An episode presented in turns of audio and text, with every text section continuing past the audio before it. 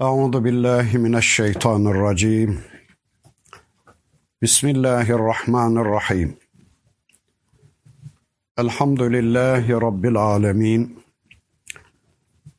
والصلاة وأتم التسليم على سيدنا محمد المبعوث رحمة للعالمين اللهم لا سهل إلا ما جعلته سهلا وأنت تجعل الحزن إذا شئت سهلا اللهم علمنا ما ينفعنا وانفعنا بما علمتنا وزدنا علما برحمتك يا ارحم الراحمين. Ama ba'd.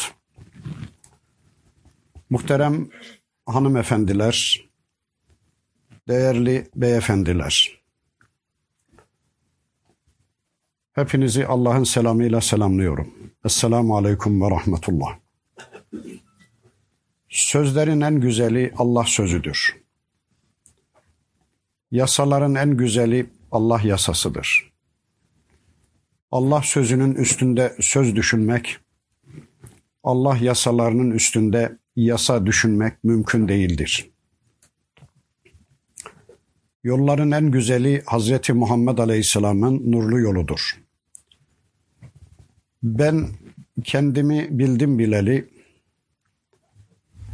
Kur'an öğrenirim. Çevremle Kur'an paylaşırım. Yaşamaya çalışırım. En az benim kadar çevremdeki insanlar da Kur'an'ı öğrensinler çabası içine girerim. Sünnet öğrenirim. Sünneti vahyin bir parçası bilirim.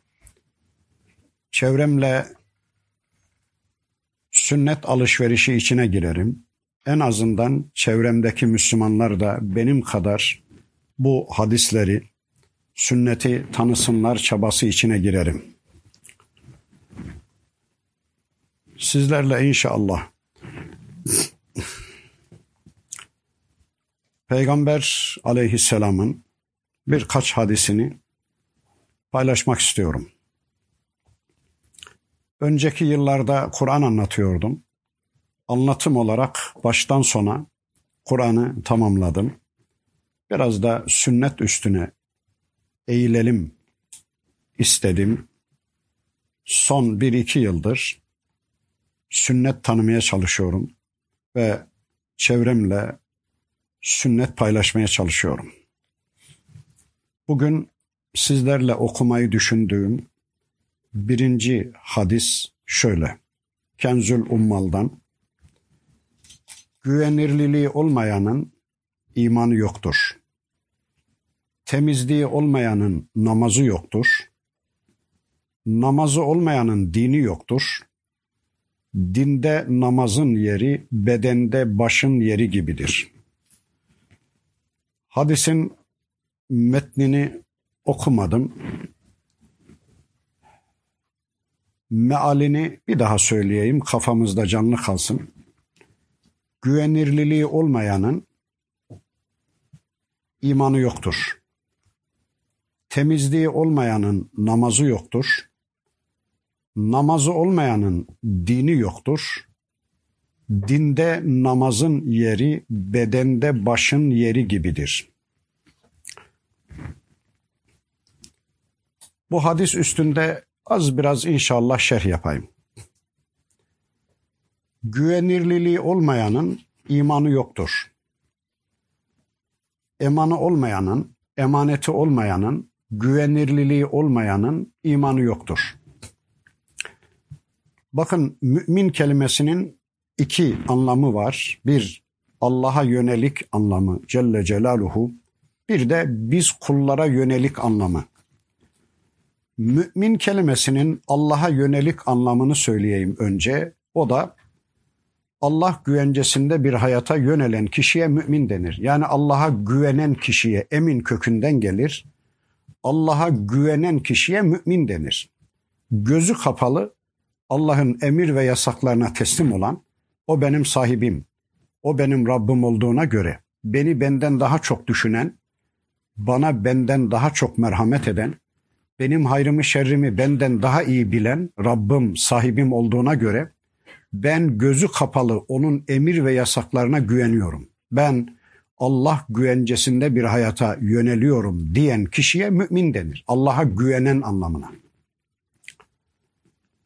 Mümin kelimesinin ikinci bir anlamı daha var. O da bize yönelik anlamı. Çevresine güven veren kişi demektir mümin. Mümin çevresine güven veren kişi demektir. Bakın Peygamber Efendimizin henüz Mekke'de peygamber olmadan önce bir ismi vardı. Neydi o? Muhammedül Emin. Emin Muhammed. Güvenilir Muhammed. Henüz peygamber değil. Peygamber olduktan sonra zaten emindi. Peygamber olmadan emindi. Peygamber olduktan sonra zaten emindi Allah'ın Resulü. İslam tarih kitapları bize şöyle bir olayı anlatır. Peygamber Efendimiz ile Mekke müşrikleri kanlı bıçaklı kavgalı oldukları bir ortamda bir gün Ebu Cehil sırtına aldığı ağır bir çıkınla gün batarken Peygamber Efendimizin evine doğru süzülüp giderken yolda Ebu Sufyan'la karşılaşır. Ebu Sufyan sorar, hayrola Ebu Cehil, gün batarken sırtına aldığın ağır bir çıkınla nereye böyle? Ebu Cehil der ki, sus Ebu Sufyan yavaş konuş kimse duymasın. Yemen taraflarından bir kısım mücevherler geldi. Ne oğluma güvenebildim, ne kızıma, ne kanıma, ne damadıma.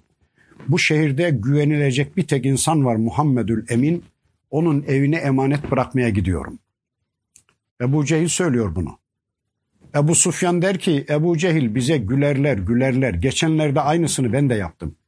Hem adamı reddediyoruz hem Muhammed Aleyhisselam'la kanlı bıçaklı kavgalıyız hem de bu şehirde ondan başka güvenilecek bir tek insan kalmadı diye en kıymetli eşyalarımızı götürüp onun evine emanet bırakıyoruz. Bundan çok daha enteresanını söyleyeyim size. Peygamber Efendimiz Mekke'den Medine'ye hicret emrini alınca Allah'tan Ali Efendimiz'i çağırdı. Dedi ki gel ey Ali bu gece benim yatağımda sen yatacaksın. Korkma kimse senin kılına bile dokunamayacak. Çok enteresan. O gece Peygamber aleyhisselam öldürülecekti. Mekke müşrikleri planlamıştı. Üstelik kan davası güdülemesin, kimin öldürdüğü belli olmasın diye her kabileden bir kişi seçtiler. 30-40 tane mızrak bir anda yatağın üstüne inecek. Peygamber aleyhisselamın yatağının üstüne şehit edilecek. Ve Peygamber Efendimiz diyor ki gel ey Ali bu gece benim yatağımda sen yatacaksın. Korkma kimse senin kılına bile dokunamayacak. Allah Allah. Yani Mekke müşrikleri geldikleri zaman içerideki Muhammed Aleyhisselam mı Ali mi hiç bakmadan yorganı bile kaldırmadan mızrakları indirebilirlerdi. Ama Ali Efendimiz mışıl mışıl uyudu. Dedi ki benim efendim böyle söylüyorsa mutlak doğru söyler. Kimse benim kılına kılıma dokunamaz dedi ve mışıl mışıl horul horul uyudu. Dedi ki Peygamber aleyhisselam ey Ali sabahleyin bu gece ben burayı terk etmiş olacağım. Sabahleyin erken kalk. Şu filanın, şu filanın, şu filanın, şu filanın, şu filanın, şu emanetleri sahiplerine bir teslim et ey Ali. Geç kalkma. İnsanlar Mekke'yi terk ettiğimi öğrenince eyvah bizim dolarlar gitti. Eyvah bizim altınlar gitti bizim gümüşler gitti diye kimse üzülmesin. Sen erken kalk ey Ali. İnsanlar benim Mekke'yi terk ettiğimi duymadan bu emanetleri sahiplerine bir ulaştır. Şu filanın, şu filanın, şu filanın, şu filanın. Allahu Ekber, Allahu Ekber. Biz olsak ne yapardık? Kitabına uydurur. Ya bunlar gavur malı. Bunlar zaten ganimet. Alır götürür onları Medine'de çıtır çıtır yerdik değil mi? Biz olsak bilirdik ne yapacağımızı. Ama Peygamber aleyhisselam o Muhammedül Emin'di, güvenilir Muhammed'di. Dosta da emin, düşmana da emindi ve Ali Efendimiz'e teslim etti. Ey Ali bunları sahiplerine teslim et diye. Çünkü ne diyordu hadislerinin başında? Güvenirliliği olmayanın imanı yoktur.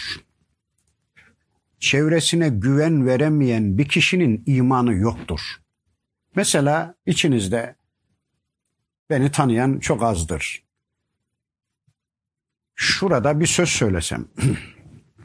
Bakın ne kadar güven vermişim ben size.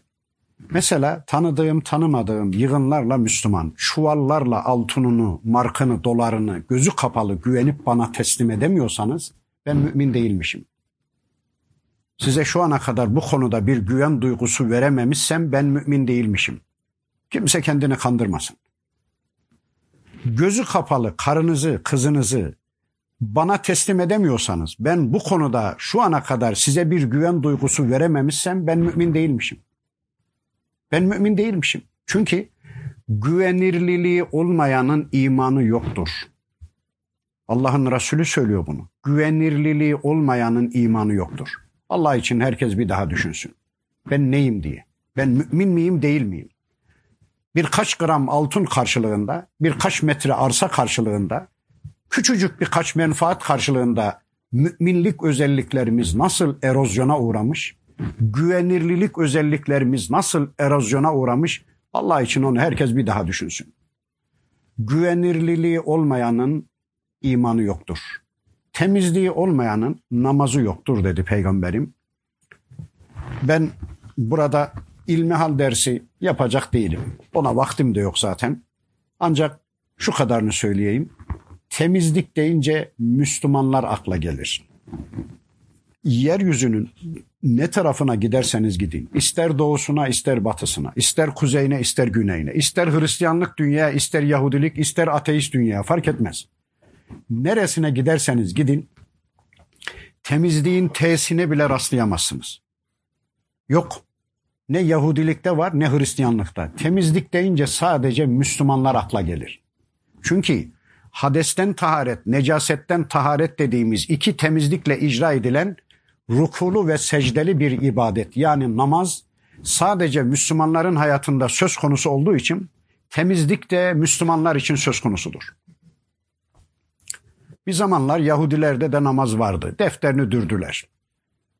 Çünkü Musa aleyhisselam toplumuna namazı tavsiye ediyor. Kur'an'da görüyoruz. Bir zamanlar Hristiyanlarda da namaz vardı. İsa aleyhisselam diyor ki ve evsani bis salati ve zekati. Rabbim bana namazı ve zekatı vasiyet etti diyor. İsa aleyhisselam söylüyor bunu. Hristiyanlarda da namaz vardı ama defterini dürdüler, işini bitirdiler. Şu anda rukulu ve secdeli bir ibadet türü yani namaz sadece Müslümanlar için söz konusu olunca temizlik de sadece Müslümanlar için söz konusu. Dünyanın neresine giderseniz gidin temizliğin tesine bile rastlayamazsınız Müslümanların dışında. Şu kadarını söyleyeyim.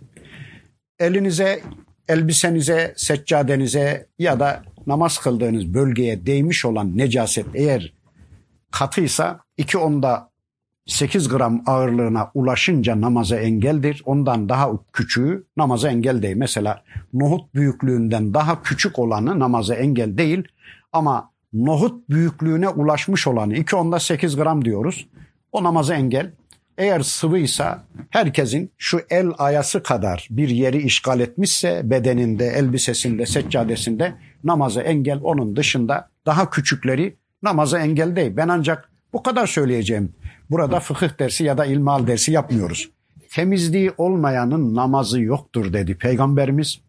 Üçüncü bölümde dedi ki namazı olmayanın da dini yoktur. Namazı olmayanın dini yoktur. Men la dine lehu la salate lehu. Men la salate lehu la dine lehu. Namazı olmayanın dini yoktur. Dinde namazın yeri hadisin son bölümü bedende başın yeri gibidir. Bir beden için baş ne anlam ifade ederse bir kişi için namaz da o anlam ifade eder. Mesela bir insanın başını kesseniz beden ayakta durabilir mi? Mümkün değil. Patır patır bütün azalar dökülür. Bir insanın namazını alıverin onun ne dini ayakta kalır ne de imanı. Bir beden için baş neyse bir din için namaz da odur. Namazı olmayanın da dini yoktur. Müslümanlar, yemeği ihmal edebilirsiniz. Uykuyu kaybedebilirsiniz. Dinlenmeyi, istirahatı, su içmeyi unutabilirsiniz, ihmal edebilirsiniz ama namazı asla. Namazsız bir hayatın adamı olmayın. Namazsız bir hayatın adamı olmayın. Çünkü namaz dinde, bedende başın yeri gibidir. bir beden için baş ne anlam ifade ediyorsa bir din için namaz da o anlam ifade eder. Aman ha namazsız bir hayatın adamı olmayın. Evvelu ma yuhasebu bihil abdu yevmel kıyameti es salatu. Kişinin kıyamet günü ilk hesaba çekileceği şey namazdır diyor Peygamberimiz. Namaz konusunda başarmışsa başarmış kurtulmuştur. Namaz konusunda başaramamışsa kaybetmiştir. Allah Allah. Sanki diğer ibadetleri hepsi namazda toplanıverdi. Öyleyse namazsız bir hayatın adamı olmayın. Ben kısaca birinci hadisi okudum. Az biraz üzerinde şerh yaptım. Bugün sizinle okumayı düşündüğüm, daha doğrusu sırayla gidiyorum. Burada bu hadisi okudum. Bir başka yerde yarın bir dersim varsa ertesi sıradaki hadis neyse onu okuyup gidiyorum. Öyle özel seçmiyorum. Size denk gelen şu. Dün bir önceki hadisi 25. hadisi okudum. Bugün 26. hadis okuyorum. An Ebi Hureyrete radıyallahu anhu anin nebiyyi sallallahu aleyhi ve selleme gale. Ebu Hureyre radıyallahu an Efendimiz diyor ki Peygamber aleyhisselam şöyle buyurdu. Men neffese an mu'minin kurbeten min kurabid dünya neffesallahu anhu kurbeten min kurabi yevmil kıyameti. Kim ki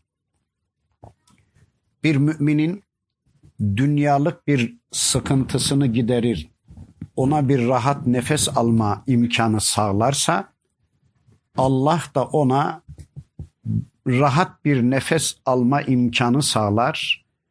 Onun bir sıkıntısını giderir. Nefese kelimesini kullanmış Peygamber Efendimiz. Elbisenin boğaza yakın kısmını açarak böylece kişinin rahat bir nefes almasını sağlamaktır. Nefese kelimesi. Kim ki bir Müslümana rahat bir nefes alma imkanı sağlarsa bu dünyada Allah da ona rahat bir nefes imkanı sağlar. وَمَنْ يَسَّرَ عَلَى مُوسِرٍ يَسَّرَهُ اللّٰهُ عَلَيْهِ فِي الدُّنْيَا وَالْآخِرَةِ Kim de dünyada bir Müslümanın bir sıkıntısını giderir, bir problemini çözümler onu rahatlatırsa Allah da hem dünyada hem de ukbada onun bir sıkıntısını giderir. Hadisi baştan sona bir Türkçeleştireyim sonra şerh için üzerinde biraz duracağız. وَمَنْ سَتَرَ Müslüman kim bir Müslümanı setreder, örterse seterahullahu fid dünya vel ahire. Hem dünyada hem de ahirette Allah da onu setreder, Allah da onu örter. Vallahu fi aunil abdi ma kana'l abdu fi auni ahihi. Allah kulun yardımındadır. Kul kardeşinin yardımında olduğu sürece. Bir Müslüman bir Müslüman kardeşinin ya da kardeşlerinin yardımında olduğu sürece Allah da onun yardımındadır. وَمَنْ سَلَكَ tarikan Kim bir yola girerse yeltemisu fihi ilmen kendisinde ilim öğrenebileceği, ilim talep edebileceği bir yola girerse sehhelallahu lehu bihi tarikan ilel cenneti Allah da onun cennete gidiş yolunu kolaylaştırır. Kim ki ilim öğrenebileceği bir yola girerse Allah da onun cennete gidiş yolunu kolaylaştırır. Demek ki ilim yolu cennet yoluymuş. Ve mectema kavmun fi beytin min buyutillahi yetlune kitaballahi ve yetedarasunehu beynehum. Hiçbir topluluk, hiçbir grup yoktur ki Allah'ın evlerinden bir evde toplanırlar. Yetlune kitaballah, Allah'ın kitabını okurlar ama okumak da yetmez. Ve yetedârasûnehu beynehum. Okudukları o bölümün kendi aralarında ne dediğini anlamak üzere ders haline getirirlerse. İlla nezelet aleyhimus sekinetu onların üzerine bir huzur, bir güven duygusu, bir sekinet duygusu iner.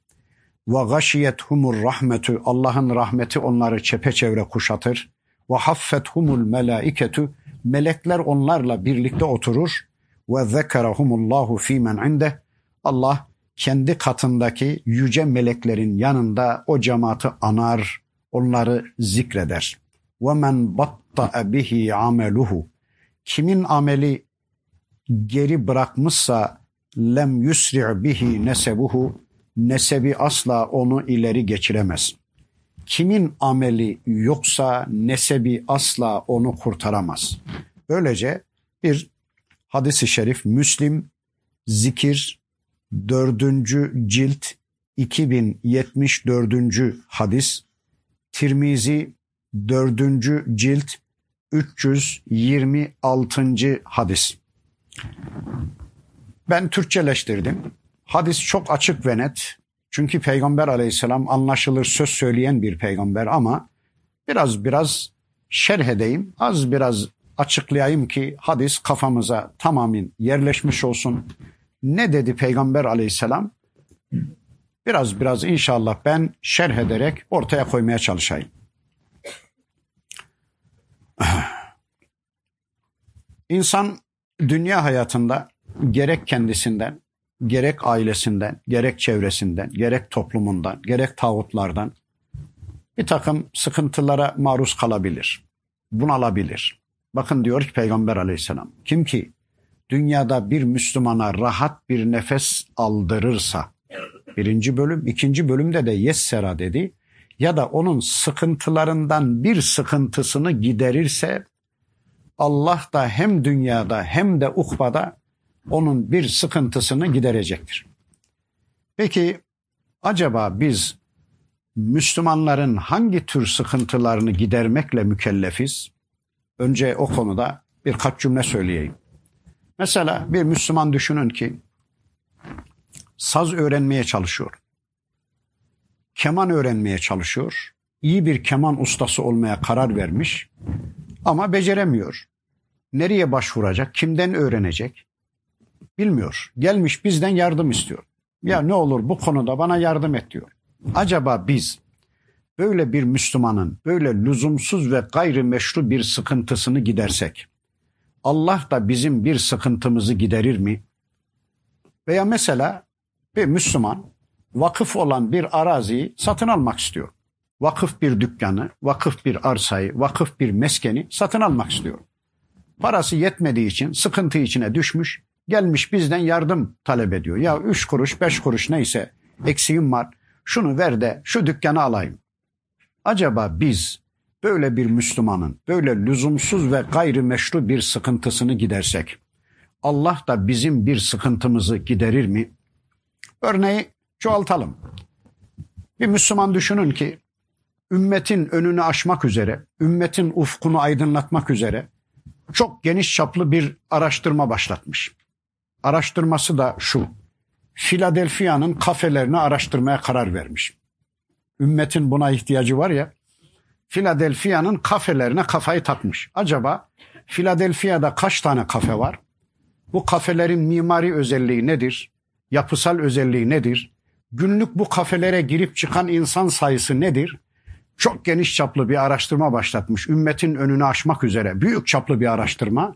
3-5 sefer Philadelphia'ya gitmiş gelmiş uçak masrafları, otel masrafları, video kamera, fotoğraf makinesi filan derken adam bunalmış gelmiş bizden yardım istiyor. Ya Allah aşkına diyor biraz ver de son bir defa daha gitmem lazım Philadelphia'ya. Bu büyük araştırmayı tamamlamak için ne olur 3-5 kuruş ver de şu işi bitireyim.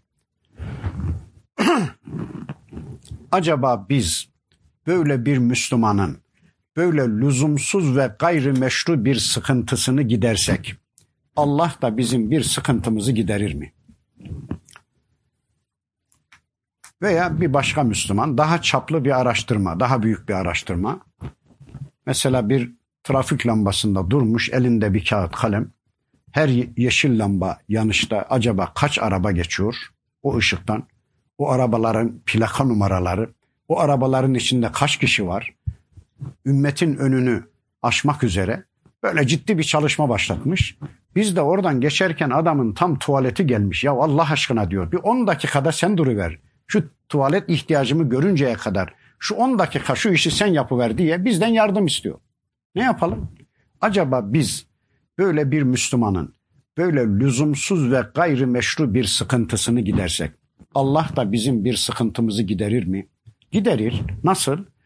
E, lüzumsuz ve gayrimeşru bir sıkıntımızı giderir. Mesela cehennemin üçüncü katında yanıyorsak acaba dördüncü katta ne olup bitiyor diye içimizde bir sıkıntı varsa tutar elimizden dördüncü kata bak burada da işte şöylece azap ediliyor diye gösterir. Böylece bir sıkıntımızı giderir. Niye? E çünkü biz Müslümanın gayrimeşru sıkıntısını giderdik. Meşru bir sıkıntı gidermedik ki. Bakın öyleyse şu cümleyi ağır ağır bir söyleyeyim. Müslümanın sıkıntısını vahiy belirler. Müslümanın sıkıntısını Allah ve Resulü belirler. Allah ve Resulünün bu işe burnunu sokma, bu işe girme, bu senin derdin değil, bu senin sıkıntın değil dediği bir konuyu eğer o işe girerek bir Müslüman sıkıntıya düşmüşse onun sıkıntısı meşru bir sıkıntı değildir. Gayri meşru bir sıkıntıdır ve biz onun sıkıntısını gidermekle mükellef değiliz. Mesela işte örneklerini verdim ama daha bir iki örnek daha vereyim. Hani bir söz var. Adamın atının ayağının altından nalı yok, yokuşa yokuşa sürer diye bir söz var değil mi? Yani cebinde 10 parası yokken 10 trilyonluk bir işe girmiş, sıkıntı içine düşmüş, gelmiş bizden yardım istiyor. Ya ne olur bana yardım et. Sıkıntısını Allah ve Resulü belirlememiş. Ya da evinde ekmeği yok bir video almış, bir kamera almış, bir televizyon almış. Borçlanmış, sıkıntıya düşmüş, gelmiş bizden yardım istiyor. Ne olur yardım et. Meşru bir sıkıntı değil. Allah ve Resulü onu al dememiş. Böyle bir şeye burnunu sok dememiş. Ama adam buna rağmen bu işe burnunu sokmuş ve sıkıntı içine düşmüş. Gelmiş bizden yardım talep ediyor. Biz böyle birinin sıkıntısını gidermek zorunda değiliz. Bakın bir Müslümanın sıkıntısını vahiy belirler. Mesela bir Müslümanın şöyle bir sıkıntısı olabilir mi? Ya anamı nasıl öldürsem ki? Hapla mı? Yoksa banyoda boğarak mı? Hangisi daha ekonomik? Acaba pencereden mi atsam? Ya adamın böyle bir sıkıntısı olmaz ki ya. Olamaz. Eğer böyle bir sıkıntıyla gelmiş birisi sizden yardım istiyorsa siz onun sıkıntısını gidermekle mükellef değilsiniz. Çünkü gayrimeşru bir sıkıntı. İşte bakın böyle birisi lüzumsuz ve gayrimeşru bir sıkıntıyla size gelmişse yapmanız gereken şu. Arkadaş bu senin sıkıntı etmemen gereken bir konu. Sen çok lüzumsuz ve gayrimeşru bir şey kendine dert edinmişsin. Bu işten vazgeç. Senin gerçek sıkıntın şunlar diye ona gerçek sıkıntısının kaynağına dikkat çekmek suretiyle ancak yardım edebiliriz. Şimdi biraz cümlem bozuk oldu. Farkındayım. Uzattım çünkü. Şöyle bir örnekle anlatırsam biraz daha net anlaşılır. Hoca olmamız münasebetiyle bize Müslümanlar gelir dert yanar. Hocam bizim evde dirlik düzen kalmadı. Hayrola hanım itaat etmiyor. Oğlan laf anlamıyor. Kız söz dinlemiyor. Anlatır o. Anlatır çünkü o probleminin esas kaynağının farkında değil. Dinlerim edeple, hürmet olsun diye dinlerim, anlatsın biraz. Ben biliyorum, benim reçete de hazır zaten ama o biraz konuşsun bakalım derim, konuşur. Edeben dinlerim, bak kardeş derim. Senin evde sıkıntı bitmez. Boşuna uğraşma. Niye hocam? Çünkü sen görevini yapmıyorsun. Bir kere sen baba olarak, koca olarak o evde gerçek Rabbına, gerçek sahibine ne kadar itaat ediyorsan hanımından ve çocuklarından da kendine ancak o kadar itaat beklemeye hakkın vardır. Sen önce Rabbına ne kadar mutisin onu bana bir söyle. Eğer sen Rabbına karşı sağlam bir biçimde itaat etmiyorsan çocuklarından Allah'a, çocuklarından kendine itaat bekleme hakkın yoktur. Sen ne kadar mutiysen efendine, efendisi olarak sen de onlardan kendine ancak o kadar itaat beklemeye hakkın vardır. Sen evde bir kere İslami bir sohbet ya da ders yapmıyorsun. Bir kış geçer gider. Mesela bir hadis kitabını baştan sona okumuyor Müslümanlar. Bir Buhari, bir Müslim, bir Ebu Davud'u. Değil mi? Bir kış geçer gider. Müslümanlar bir ilmihal kitabını bari okumuyorlar. Bir tefsiri bari okumuyorlar. Koskoca bir kış geçer gider. Ya şöyle evde yarım saat, yarım saat zaman ayırsalar inanın bir hadis kitabı bir kış biter. Yapmıyor Müslümanlar. Yapmıyoruz. Çocuklarımız hadis duymuyor. Hanımlarımız ayet duymuyor. İşte o kobra yılanının eğitimine teslim etmişiz. Baş köşeye oturtmuşuz televizyonu. Hadi bakalım işte bu sizi eğitecek diyoruz. Bir kobra yılanına onları teslim etmişiz. Sonra da çocuklarımızdan Allah'a itaat, çocuklarımızdan bize itaat bekliyoruz. Buna hakkımız yok ki ya. Ne verdik de ne bekliyoruz ya? İşte adam bu problemin farkında değil. O ne sorarsa sorsun siz konuyu hep o tarafa çekmek zorundasınız. O isterse bunu düşünerek sorsun, isterse düşünmeden sorsun. Siz problemi o tarafa çekmek zorundasınız. Adamın esas farkında olmadığı problemin ana kaynağına dikkat çekmek zorundasınız. Bazen Türkiye'nin birçok yerinden, Avrupa'dan bana telefonlar gelir. Çoğunlukla kadınlar. Hocam şöyle bir sıkıntım var. Sıkıntısı ne olursa olsun benim reçete hazır. Ne derse desin. Dinlerim önce. Buyurun derim. İşte ya kocasından ya çocuklarından ya komşularından ya iç dünyasından ya dış dünyasından sıkıntılar var belli. Ama ben onları bilmek zorunda değilim. Ama hiç olmazsa ezbere konuştu demesin diye az biraz dinliyorum. Buyur yengeciğim anlat bakalım. Anlatıyor anlatıyor. Bakın diyorum yengeciğim bu problemin çözümü bende. Ben biliyorum ama yapmazsın dedim. Vallahi de yaparım, billahi de yaparım. Önce bir yemin dalıyorum, söz dalıyorum. Sonra diyorum ki elinde kağıt kalem var mı? Var. Yaz bakalım. Yazıyor. En'am. Elam mı? Hayır en'am. En'am. Duymamış. Gariban. Daha surenin adını bildiği yok. Elam mı diyor. Enam. Enam diyorum. Enam. Yaz bakalım. Yaz. Bir de Araf. İyi onu da yazıyor. Bakın bu iki sureyi diyorum. Abdestli bir biçimde iki tane tefsir kitabından altı ayda ya da yedi ayda bitireceksin. Allah'ın izniyle hiçbir şeyin kalmaz. Önce bükülüyor tabi. Valla sen bilin istersen yapma diyorum yani. Dert senin benim değil ki. Yapacağım hocam diyor. Hakikaten yapmaya başlıyor. İnanın 6 ay falan varmıyor. 3 ay 5 ay sonra hızlı bakıyor ki gittikçe iyileşiyor ya. Hızlı iyileşme neticesinde biraz daha süratlanıyor. Bitiriyor. Telefon açıyor ya hocam Allah senden razı olsun. Hiçbir şeyim kalmadı. Derdi neydi bu kadıncağızın? Derdi şu bakın. Ben bilmem derdini filan. Ben bilmem ancak ben hadisi bilirim, ben ayeti bilirim. Ben peygamberimin tavsiyesini bilirim. Ötekini bilmem. Bilmek de zorunda değilim. Bir insanın o kadıncağızın sıkıntısı ya dış kaynaklıdır, dışarıdan, çevresinden birileri vardır. Yani cin vardır, şeytan vardır, garaz vardır, ilaç vardır. Ben bilmem. Vardır bir şeyler. Ya da iş kaynaklıdır. Ne demek iş kaynaklı? Yani kalbinde sağlıklı Kur'an sünnet bilgisi olmayınca o kalp şüphe bulutlarıyla örülmüştür. Her şeyden şüphe eder. Sağlıklı bilgi girmeyince kalbe kalp şüphe bulutlarıyla örülmüş. Bir bulut gibi. Her şeyden şüphe eder. Kalbi rahat değil, kalbi hasta. Ne zaman ki o kalbe sağlıklı bilgi girmeye başladı şüphe bulutları dağılır. Her bir bilgi bir şüpheyi dağıtır. Enam ve Araf surelerini okudukça, ayetlerin bilgisi içine girdikçe, tabi sadece Arapçasından değil, tefsirden okuyacak. Baştan söyleyelim onu. Her bir ayet girdikçe bir bulut dağılıyor, böylece kalp rahata eli veriyor. Sağlığına kavuştu. Ya da eğer dış kaynaklıysa yani cin, sihir, şeytan vesaire varsa zaten şeytanlar diyor ki bir müşteriyi kaybettik. Bu Kur'an okumaya başladı. Artık biz buna yaklaşmamız mümkün değil. Allah'a ısmarladık. Bir müşteri kaybettik. Cin de şeytan da çekip gidiyor. Bitti. İki kaynaklıdır bunun hastalığı. İkisi de şifaya buldu. İkisi de şifaya. Hocam Allah senden razı olsun diyor. İnanın hiçbir şeyim kalmadı. Bakın size de böyle müracaat edenler olursa uzun iki sure söyleyin. Kısa söylemeyin. Üç günde beş günde bitecek olmaz. En azından mesela Bakara Ali İmran deyin. İki sure söyleyin. Biraz daha uzunca veya Enam Araf değil veya Tevbe Yunus değil. Neyse yani iki sure söyleyin ki ama Enam Araf gerçekten imanı en güzel anlatan iki sure olduğu için diğer sureler de öyle de En'am Araf'ı tavsiye ederseniz daha kestirmeden iş halledersiniz.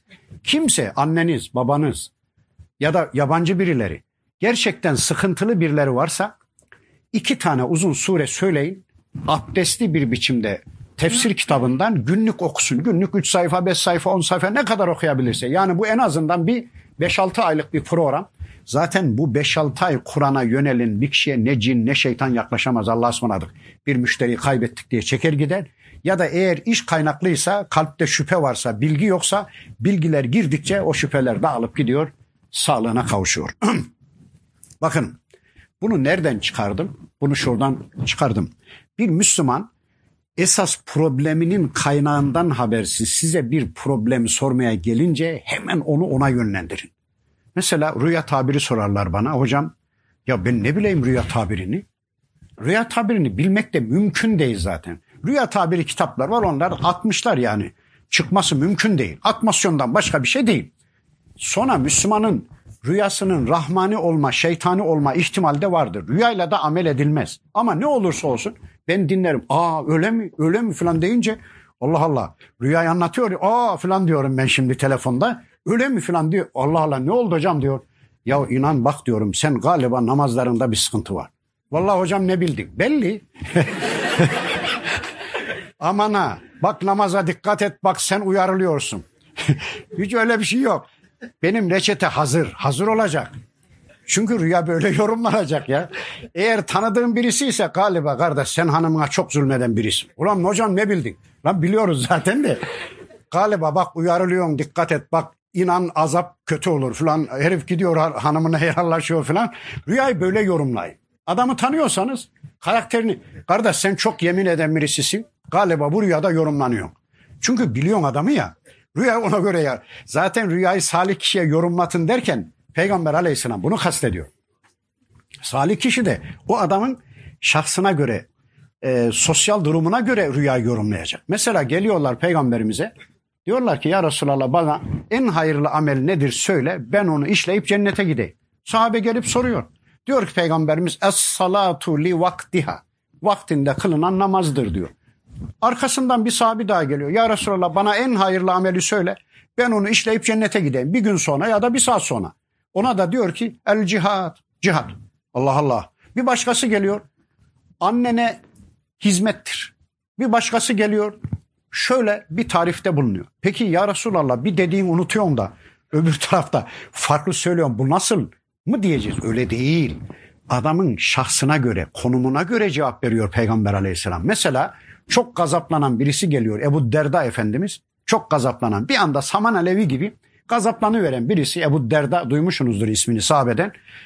Geliyor ya Resulallah en hayırlı amel hangisidir? La tağzap diyor gazaplanma. Bitti onun durumu ona müsait de onda.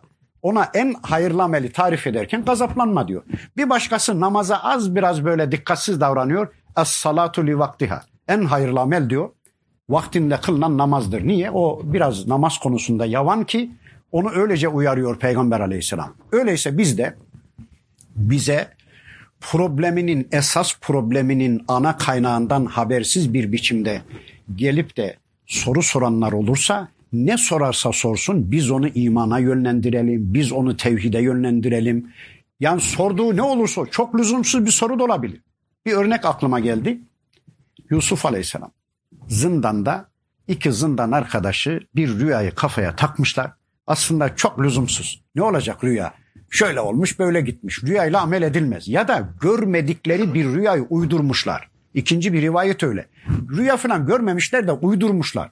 Gelmişler ey Yusuf biz ikimiz iki rüya gördük. Bizim rüyamızı bir yorumlayıver. Anlatmışlar. Birisi demiş ki işte ben bu gece şarap sıkıyordum. Şarap şırası sıkıyordum. Öteki de diyor ki ben de işte rüyamda başımın üstünde bir tepsinin içinde yemek taşıyordum. Kuşlar da başımın üstündeki yemekten yiyorlardı. Yusuf Aleyhisselam ne dedi biliyor musunuz? Ey benim zindan arkadaşlarım oturun hele. Sizin gerçek probleminiz bu değil. Siz çok lüzumsuz ve gayrimeşru bir sıkıntıyı kendinize sıkıntı etmişsiniz, dert etmişsiniz. Aslında sizin gerçek derdiniz, gerçek sıkıntınız yani birincil derdiniz bu değil. Ben size onu bir anlatayım sonra rüyanızı tabir edeceğim. Ben size önce gerçek derdinizi bir anlatayım sonra rüyanızı tabir edeceğim. Sizin yemeğiniz gelmeden rüyanızı tabir edeceğim ancak önce bir şey anlatmam lazım dedi. Bakın şöyle buyurdu. Ya sahibe sicin Ey benim zindan arkadaşlarım. E erbabun müteferrikun hayrun emillahul vahidul kahhar. Söyler misiniz bana? Bir tek Allah'a kulluk etmek mi daha hayırlı? Birden çok ilaha kulluk etmek mi daha hayırlı? Mesela iki tane hizmetçi düşünün. Bir hizmetçinin bir tek efendisi var. Bir hizmetçinin de on tane efendisi var. On tane efendisi. Üstelik o on efendi de birbiriyle çelişen çatışan on efendi. Yani birinin arzusu diğerini tutmuyor. Mesela birisi diyor ki beyaz giyineceksin diyor hizmetçiye. Öteki efendisi diyor ki hayır siyah giyinmen istiyorum. Birisi otur diyor, birisi kalk diyor. Birisi gel diyor, birisi git diyor. Yani birbirine zıt 10 tane efendisi olan bir hizmetçi düşünün. Bu mu daha rahat? Bir tek efendisi olan bir hizmetçi düşünün. Ya ikincisi çok daha rahat değil. Bir tek efendisi var. Onu memnun etti mi iş bitti. Ötekinin birçok efendisi var. Üstelik birbirine zıt efendiler. Bunu niye anlattı Yusuf Aleyhisselam? Şunun için. İmanla tevhidle şirkin arasındaki farkı anlatmak için anlattı. Bir insan düşünün ki tevhide inanmış yani tek Allah'a ibadet ediyor ama bir insan düşünün ki modaya inanmış, modayı da razı etmek için çırpınıyor. Törelere de inanmış, onları da razı etmek için çırpınıyor. Adetler, yönetmelikler, yasalar, şeytan, toplum, çevre, ağa, patron onlarca yapay tanrının ve tanrıçanın kulu olmuş bir insan mı daha rahat? Yoksa bir tek Allah'a kulluk eden tevhidi, tevhid gerçeğini anlamış bir insan mı daha rahat?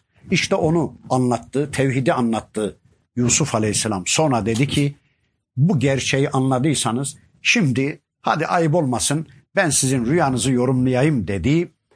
Dedi ki şu rüyasında şıra, şarap şırası sıkan var ya bugün o azad olacak, zindandan çıkacak, kurtulacak. Şu başının üstünde tepside yemek taşıyıp o yemekten kuşların yediğini gören kişi bugün öldürülecek, idam edilecek dedi. O böyle deyince ikisi de gülü verdi. Ey Yusuf biz zaten rüya falan görmedik, uydurmuştuk, uydurmuştuk falan deyince Yusuf Aleyhisselam dedi ki vallahi fark etmez. Sordunuz ben de fetvayı verdim iş bitti. İş bitti. Ve gerçekten birisi idam edildi, diğeri de serbest bırakıldı. Ama konunun bizim anlattığım bölümle alakalı şu yönü önemli. Yusuf Aleyhisselam lüzumsuz bir sıkıntıyı kendilerine sıkıntı edinmiş insanlara gerçek sıkıntılarının ne olduğunu, gerçek dertlerinin ne olduğunu, farkında olmadıkları problemlerinin ana kaynağına dikkat çekerek onlara böylece yardım etti. Demek ki hadisin birinci bölümünü bir de okuyorum. Ne dedi Peygamberimiz?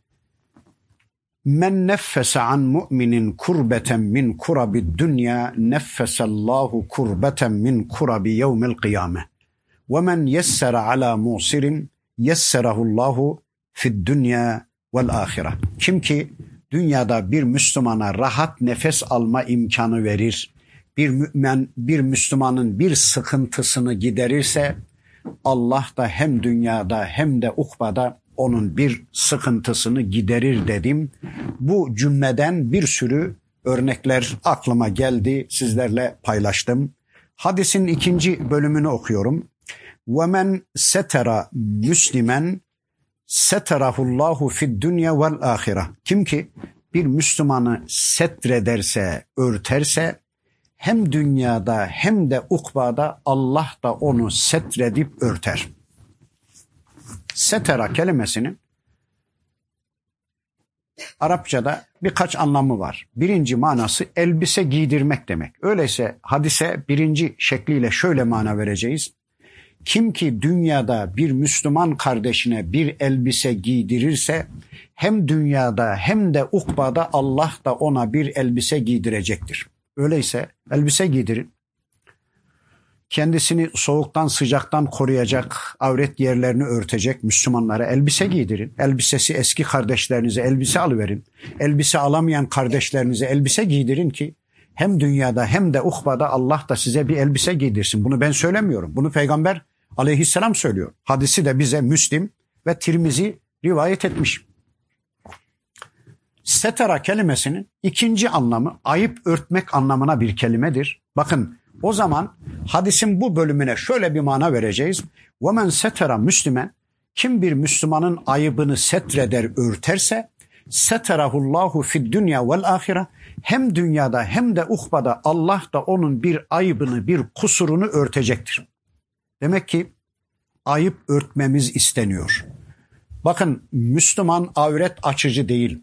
Müslüman avret örtücüdür. Müslüman ayıp açıcı değil, Müslüman ayıp örtücüdür. Bir tenhada bir Müslümanı bir yanlışı yaparken gördünüz, bir günahı işlerken gördünüz. Onu uyarmaya hakkınız var. Kardeş bak şöyle yaparken gördüm. Yapma bu seni cehenneme götürür. Vazgeç bu işten demeye hakkınız var ama onu insanların yanında anlatmaya hakkınız yok. Onu deşifre etmeye hakkınız yok. Anladık mı? Onu deşifre edemeyiz. Çünkü onu deşifre ederseniz adam hiç olmazsa günahı gizlide işliyordu. Bir utanma duygusu vardı. Onu da çatlatırsanız, haya damarını, ar damarını çatlatırsanız adam günahı açıktan işlemeye başlar ve toplumda adam boyu günahlar yükselir ve toplumda günahlar aleni işlenmeye başlar. Buna hakkımız yok toplumda günahların aleni işlenmesi demek herkesin günaha yönelmesi anlamına gelir ki öyleyse kimsenin haya damarını çatlatmayın. Gizlide işlediği bir günahı deşifre edip insanların gözü önünde anlatıp onu rezil ve perişan bir konuma düşürüp haya damarını çatlatıp o günahı açıktan işler hale getirmeye hakkımız yoktur. Çünkü Kur'an-ı Kerim'de ve la buyuruyor. Casusluk yapmayın. Müslümanların gizli sırlarını araştırmayın. Müslümanların kirli çamaşırlarını ortaya dökmeden yana tavır almayın. Casusluk yapmayın.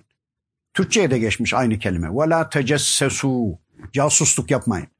Bu manada bir Müslümanın izni olmadan cebine el atmak, cebinde ne var ne yok diye araştırmak haramdır. Bu manada bir Müslümanın çantasında ne var ne yok diye onun izni olmadan, haberi olmadan el atmak, araştırmak haramdır. Bu manada bir Müslümanın evinde ne olup bitiyor diye evinin penceresinden dinlemek haramdır, yasaktır. Bu manada Müslümanın evinde ne olup bitiyor diye anahtar deliğinden Müslümanın evini dikzetmek haramdır. Hatta Peygamber Efendimiz diyor ki birisi bir Müslümanın anahtar deliğinden içeriği diksetse içerideki de bir mil kalkıp dışarıdakinin gözünü çıkarsa oh olmuş diyor Peygamberimiz oh olmuş. Ona kısas uygulamam diyor. Niye? Mesken masumiyetini ihlal etti. Hakkı yoktu böyle bir şeye. Ne bakıyorsun Müslümanın kapısından ya? Böyle bir şeye hakkın yok ki. Tecessüs haramdır.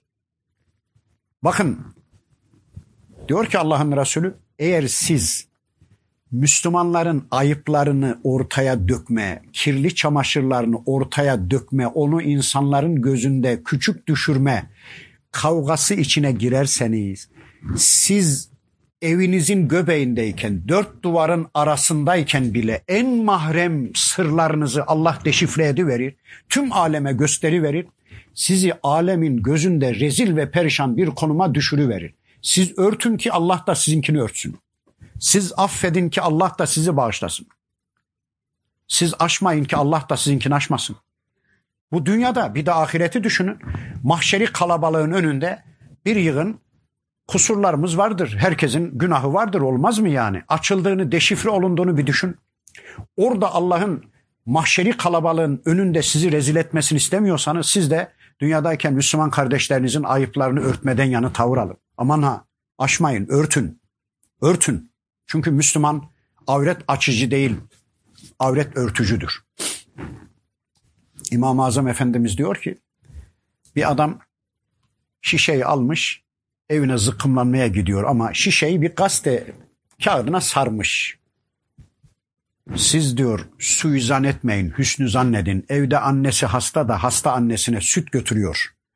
Evde hanımı hasta da ya da çocukları hasta da onlara süt götürüyor diye hüsnü zannedin. Suizan etmeyin. Çünkü adam gazeteye sarmışsa artık onun üstünde suizan etmeye hakkınız yok. Çünkü adam gizli yapıyor bu işi. Gizli yapan birisini deşifre etmeye hakkınız yok. Açıktan günah işliyorsa onu uyarır ya da konuşursunuz ama adam günahı gizli de işliyorsa en azından haya damarı vardır, ar damarı vardır onu çatlatmaya hakkınız yoktur.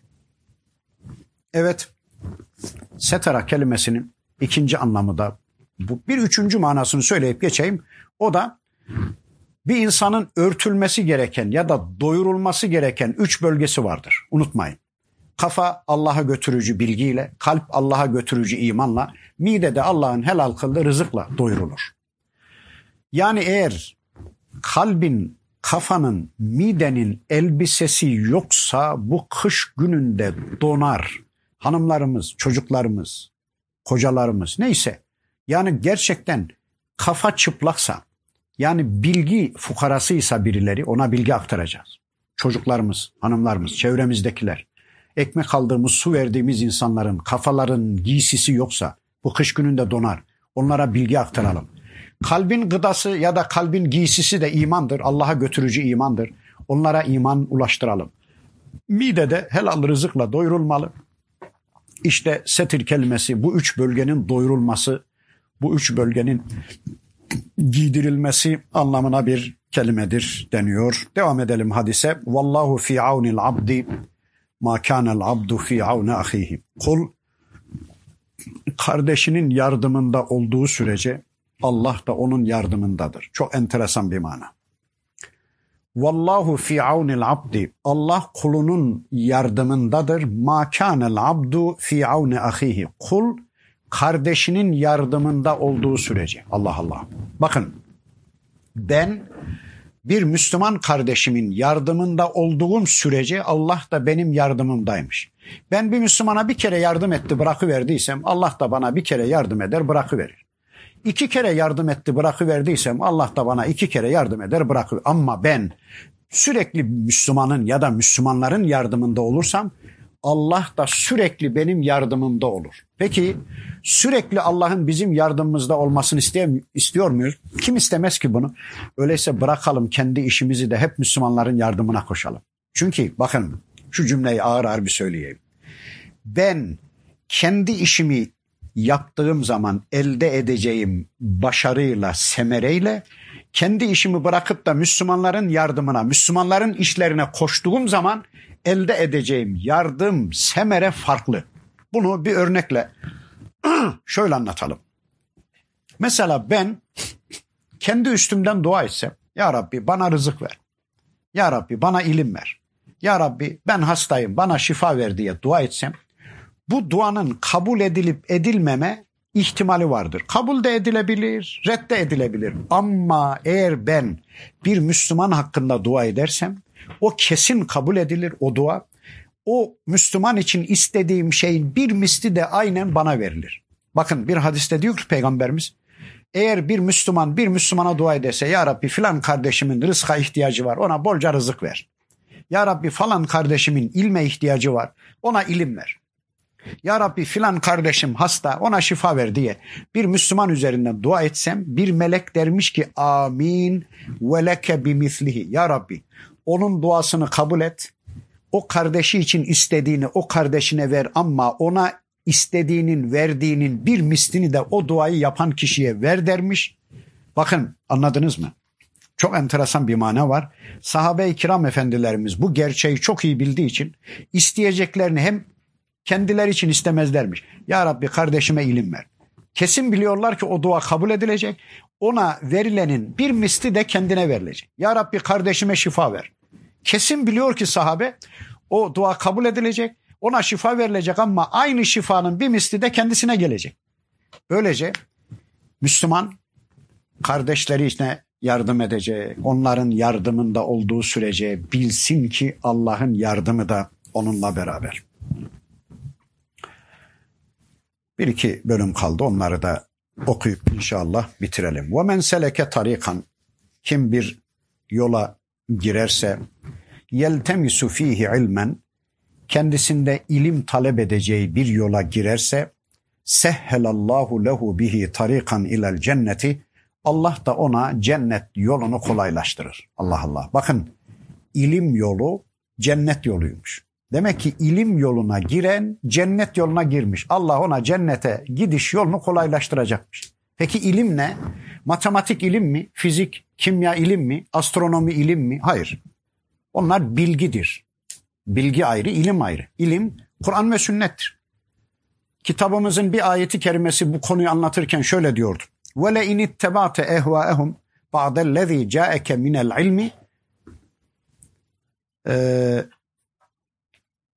Ma leke minallahi min veliyyin ve la nasir. Elhamdülillah aklıma geldi. Ey peygamberim sana ilim geldikten sonra eğer sen çevrendekilerin heva ve heveslerine uyarsan dostun ve yardımcın olarak ben yokum. sana gelen ilimden sonra eğer sen çevrendekilerin heva ve heveslerine uyarsan. Peki ne geldi peygamberimize? İlim gelmiş. İlim ne? Vahiy. Öyleyse ilim eşittir vahiy. İlim eşittir Kur'an ve sünnet. Öyleyse Kur'an ve sünnete ilim denir. Kur'an ve sünneti bilenlere alim denir. Matematiği, fiziği, kimyayı, cebiri, astronomi bilenlere alim denmez, bilgin denir. Öyleyse ilim yoluna giren kişi Kur'an sünnet öğrenme yoluna giren kişidir. İşte bu hadislerinde diyor ki Peygamber aleyhisselam kim ki Kur'an sünnet öğrenme yoluna girerse Allah da ona cennete gidiş yolunu kolaylaştıracak. Ve meçtema kavmun fi beytin min buyutillahi hiçbir topluluk yoktur ki Allah'ın evlerinden bir evinde toplansalar bakın şurası da Allah'ın evlerinden bir ev. İşte biz de toplandık. Peki niye toplanacaklarmış? Mevlid okumak için mi? Hayır. Hatimler inmek için mi? Hayır. İlahiler, naatlar? Hayır. Güzel güzel yiyip içip sohbet etmek için mi? Hayır. Ne için toplanacaklarmış? Yetlûne kitaballah. Allah'ın kitabını okumak üzere toplanırlarsa okumak da yetmez, mücerret okumak da yetmez ve yetedârasûnehu beynehum okudukları bölümü kendi aralarında ders yaparlarsa yani hangi sureyi okudular? Hangi ayet grubunu okudular? O grubu kendi aralarında ders yaparlar. Yani bu bölümde Allah ne dedi ya? Bizden nasıl bir kulluk istedi? Nasıl anlayacağız diye didik didik didik o bölümü kendi aralarında ders haline getirirlerse illa nezelet aleyhimus sekinetu Onların üzerine bir sekinet iner, bir huzur, bir güven duygusu iner. Ve gashiyethumur rahmetu. Rahmet onları çepeçevre kuşatır Allah'ın rahmeti. Ve haffethumul melaiketu. Melekler de onlarla birlikte oturur. Onlarla birlikte müsafahalaşır. Onlarla birlikte olur. Ve zekerahumullahu fimen inde. Bir de Allah o cemaati, o grubu kendi katındaki meleklerin yanında över, onların yanında zikreder. Allahu Ekber, Allahu Ekber, Allahu Ekber. Kim bunlar? Allah'ın evlerinden bir evde toplanıp Kur'an okuyanlar ama okudukları Kur'an ayetlerini ders haline getirenler. Peki Allah için söyleyin. Burada Kur'an okunuyor, İmam hatiplerde Kur'an okunuyor, ilahiyatlarda Kur'an okunuyor, Kur'an kurslarında Kur'an okunuyor, medreselerde Kur'an okunuyor. Kur'an yarışmaları düzenleniyor, Kur'an okuma yarışmaları düzenleniyor. Niye sekinet inmiyor bu toplumun üzerine? Niye rahmet inmiyor? Niye huzursuzuz? Neden sakin değiliz? Neden huzursuzuz? Neden sekinet inmiyor? Ha sadece okuyoruz da ondan. Okuyoruz. Ders yapmıyoruz. Ders haline getirmiyor. Okuyup bitiriyor. Sadakallahu lazım diyor adam iniyor. Bitti. Ya bu Kur'an'ın yarısıdır. Kur'an iki şeyden ibaret. Bir metin bir de mana. Kur'an'ı yalnız metinden ibaret saymak suçtur. Kur'an'ı yalnız mealden ibaret saymak da cinayettir. Mesela kul huvallahu ahad.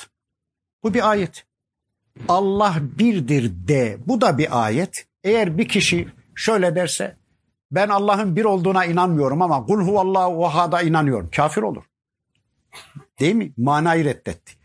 Ya da ben Allah'ın bir olduğuna inanıyorum ama kul huvallahu ahada inanmıyorum. Yine kafir. Bir sefer de metni reddetti. Manayı reddetmedi de metni reddet. Yine kafir. Böylece anlıyoruz ki Kur'an metin ve mealden ibarettir. Sadece metinden ibaret saymak yani anlamadan okuyup gitmek eksiktir, yanlıştır. Sadece mealden ibaret saymak da yanlış. Öyleyse yani okuyacağız Kur'an'ı ama okuduğumuz bölümde ne istendi bizden, Allah ne istiyor bizden onu da uygulamaya koyacağız. Değilse ona okuma denmiyor ki. Mesela bir binanın üstünde buraya girilmez diye bir yazı yazsa ve siz onu görseniz, okusanız buna rağmen o odaya, o binaya girmeye kalkışsanız okumuş sayılmış, sayılır mısınız? Sayılmazsınız ya. Okumadınız ya. Okusanız girmezdiniz oraya. Buraya girilmez dendi. E siz Kur'an okuyorsunuz. Şunları şunları yapmayın, şunları şunları yapın diyor Allah. Onlara hiç uygun hareket etmiyorsanız siz okumuyorsunuz. Kur'an okumuyorsunuz. Bakın Peygamber aleyhisselam diyor ki şu dört azanın birlikte işlev gördüğü eyleme okumak denir. Bakın okumayı ben bir tanımlayayım. Okumak nedir? Okumak Dört azanın birlikte işlev gördüğü eyleme Peygamber Efendimiz okumak diyor. Neymiş o? Bir, göz görür. Bakın gördü. Dil telaffuz eder, harfleri mahrecinden çıkarır, tamam. Akıl tercüme eder, ne anlama geldiğini kavrar, kalp de tavır alır. İşte İslam peygamberi buna okuma diyor. Bu dört şey yerine gelmemişse buna okuma demiyor peygamberimiz. Okuma değildir o. Bir daha söyleyeyim mi ağır Göz görür. İşte gözüm görüyor bakın. Dil telaffuz eder, harfleri mahrecinden çıkarır, okur. Akıl tercüme eder ne anlama geldiğini. Kalp de tavır alır. Mesela bir iki örnek vereyim. Mesela okuyorsunuz ya da birisi okuyor Kur'an'ı. Cennet ayetleri geldi. Ağlıyor adam. Okuyucunun melodisine kapılmış da onun için ağlıyor. Manayı bildiğinden falan değil. Müzikaline kapılmış okuyucunun. Çok yanık sesli bir hafız okuyor. O da ağlıyor. Halbuki ağladığı o ayetlerde cennet, huriler falan anlatılıyor. Ya ne olacaktı ya Rabbi istemezdik bunları diye adam ağlıyor. Orada ağlanmaz ya. Orada gülünür ya. Orada gülünür ya. Ya Rabbi şükürler olsun bu kadar nimet, cennet, devlet filan hazırlamışım diye. Orada gülünür ya. Orada ağlanmaz ya. E cehennem ayetleri orada da gülüyor adam. Haberi yok ya. Bilmiyor ki neden söz edildiğinden haberi yok. E kalp tavır alamıyor ya. Kalp okunan ayetler anlaşıldıysa ancak tavır alır. Akıl tercüme ettiyse kalbe indirir, kalpte tavır alır. İşte o İslam peygamberi buna okuma diyor değilse öbür türlü tamam sevabı yok mu? Vardır belki tamamen reddetmeyelim ama yani hiç anlamadan okumanın sevabı vardır belki ama Hazreti Ali Efendimiz diyor ki anlamadan gerçekleştirdiğim bir kıraatta hayır görmem diyor. Anlamadığın, anlamadan gerçekleştirdiğim bir kıraatte hayır yoktur diyor. Ben son bölümü de okuyup inşallah sözlerime son vereyim. Son bölümde de bakın Peygamber Efendimiz şöyle buyurdu. وَمَنْ بَطَّأَ bihi ameluhu Kimin ameli onu geri bırakmışsa lem yusri bihi nesebuhu nesebi onu ileri götüremez. Yani kimin ameli yoksa nesebi onu kurtaramaz. Nesep intisap hep aynı kökten gelir. Yani adamın ameli yok ama efendim diyor ben peygamber oğluyum. Geç orayı. Sen amelin amelin? Efendim işte görüyoruz. Nuh Aleyhisselam'ın oğlu gemiye binmedi, babası onu kurtaramadı. Efendim ben işte peygamber hanımıyım. Geç orayı. İşte Lut peygamberin karısı. İşte Nuh Aleyhisselam'ın karısı. İki Ülül Azim peygamber hanımlarını kurtaramadı. Ameli yok. Müslüman değiller. Efendim ben peygamber babasıyım. İşte İbrahim Aleyhisselam babası Azer. İbrahim Aleyhisselam babasını kurtaramadı. Bir işe yaramaz. Nesep insanı kurtaramaz. İşte peygamberimizin amcası Ebu Talip. Peygamber aleyhisselam onu kurtaramadı. Bakın ameli olmayan bir kişinin nesebi onu kurtaramaz. Ne olursan ol. Efendim ben falan zatın damadı muhteremleri. Geç kardeşim. Geç ya. Sen nesin? Amelini söyle bana. Ben falan zatın tekkesinde bir çorba içmiştim. Ben filan zatın eteğinden yapışmıştım. Ben falan zata intisap etmiştim. Geç kardeşim bana amelini söylesen ya. Var mı amelin? Tamam bitti. Yoksa nesebin seni kurtaramaz. İntisabın bakın hadis o kadar açık ki وَمَنْ بَطَّأَ bihi ameluhu lem yusri' bihi nesebuhu. Kimin ameli onu geri bırakmışsa, ameli yoksa yani nesebi onu kurtaramaz. İşte Peygamber aleyhisselam kızı Fatıma'ya ne diyordu? İşteri nefseki ya Fatıma la ugni anki min Allahi şey'a. Ey Fatıma kendini yarın amel işleyerek Allah'ın mahkemesinden kurtarmaya bak baban bile olsam yarın sana yapabileceğim bir şey yoktur. Bunu peygamberim söylüyor. Karısı Ayşe içinde aynı şeyi söylüyor. Ey Ayşe aman ha amel işleyerek kendini mahkemeyi kürta, kübrada temize çıkarmaya bak. Kocam bile olsam yarın sana yapabileceğim bir şey yoktur. Öyleyse ameli yoksa bir kişinin nesebi onu kurtaramıyor. Çok açık ve net bir biçimde bunu Peygamber aleyhisselam bize anlatıyor. Ben bir hadisi sizlerle paylaştım. İki hadisi. Önceki hadisi az biraz kısa tuttum. Tam bir saate ayarlayayım diye. Zaman e, problemi yaşamayalım diye. İkinci hadisi az biraz da uzunca tuttum. İnşallah bereketli olmuştur. Kafanızda ben değil hadis kalsın. Çünkü bizler bugün var yarın yokuz. Önemli olan Peygamber aleyhisselamın hadisleridir. Son zamanlarda hadisler üstünde de çok sıkıntı meydana getirmeye çalışıyorlar. Aman ha yoğun bir biçimde hadis okuyun. Ford arabayı iyi tanıyan bir adam sonradan ona takılan Opel parçayı da iyi bilir. Eğer siz hadisleri iyi tanırsanız inanın filan şöyle demiş hiç ılgalamaz sizi. Hiç ılgalamaz. Bakın hadisleri şu anda reddedenler inanın hadis kitaplarını okumadan reddediyorlar. Bir okusalar bir okusalar inanın orada hiçbir tenakuzun olmadığını anlayacaklar ama okumuyorlar. Yeryüzünde birkaç pis su gördük diye tüm suları pis kabul ediyorlar. Ya kardeşim iyi de yeryüzünde pis su var mı? Var kabul. Mevzu hadis var mı? Var. Uydurma hadis. Peki bütün suları pis mi kabul edelim? Hayır ya temizleri varsa içeriz ya bitti. Sanki bütün sular pis. Ya, o zaman su içme. Adam su da içiyor tabii bu arada. Sanki bütün hadisler mevzu. Öyle bir şüphe uyandırıyorlar ki ya mevzu olmayanlar var, sahih olanlar var. Onları okuyalım ya. Zaten mevzu olanları, zayıf olanları alimlerimiz yıllardır ayıklamışlar. Ayıklamaya da devam ediyorlar. Bunu demek ayrı. Buhari'de üç tane beş tane mevzu hadis var demek ayrı. Buhari'nin tümü mevzu demek ayrı değil mi? İkisi ayrı ayrı şeyler ya. İnsafsızca davranıyorlar. Allah Müslümanlara insaf versin. Tabi böyle akımlara karşı yapılması gereken şey Ford arabayı iyi tanıyacağız. Sonradan ona takılan örnek aklıma öyle geldi. Opel parçayı da iyi tanırız. Tanırız ama Ford arabayı iyi tanımaya bağlı bu. Biz hadisleri, hadis kitaplarını iyi tanırsak sonradan mevzusunu da gayri mevzusunu da inan iyi tanırız. Rahat tanırız. Okuyalım. Sürekli okuyalım. Allah yar ve yardımcınız olsun. Sizlerle ilk defa karşılaştım. Böyle nezih bir cemaat. Çok inan hoşuma gitti.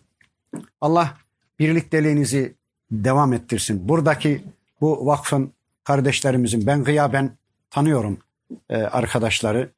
Her ne kadar yakinen ilk defa karşı karşıya gelmiş isek de hayırlı hizmetlerine dua ediyorum. Allah yar ve yardımcılar olsun. Siz de birlikte olun. Bu tür çalışmaları sürdürün. Allah yardımcınız olsun.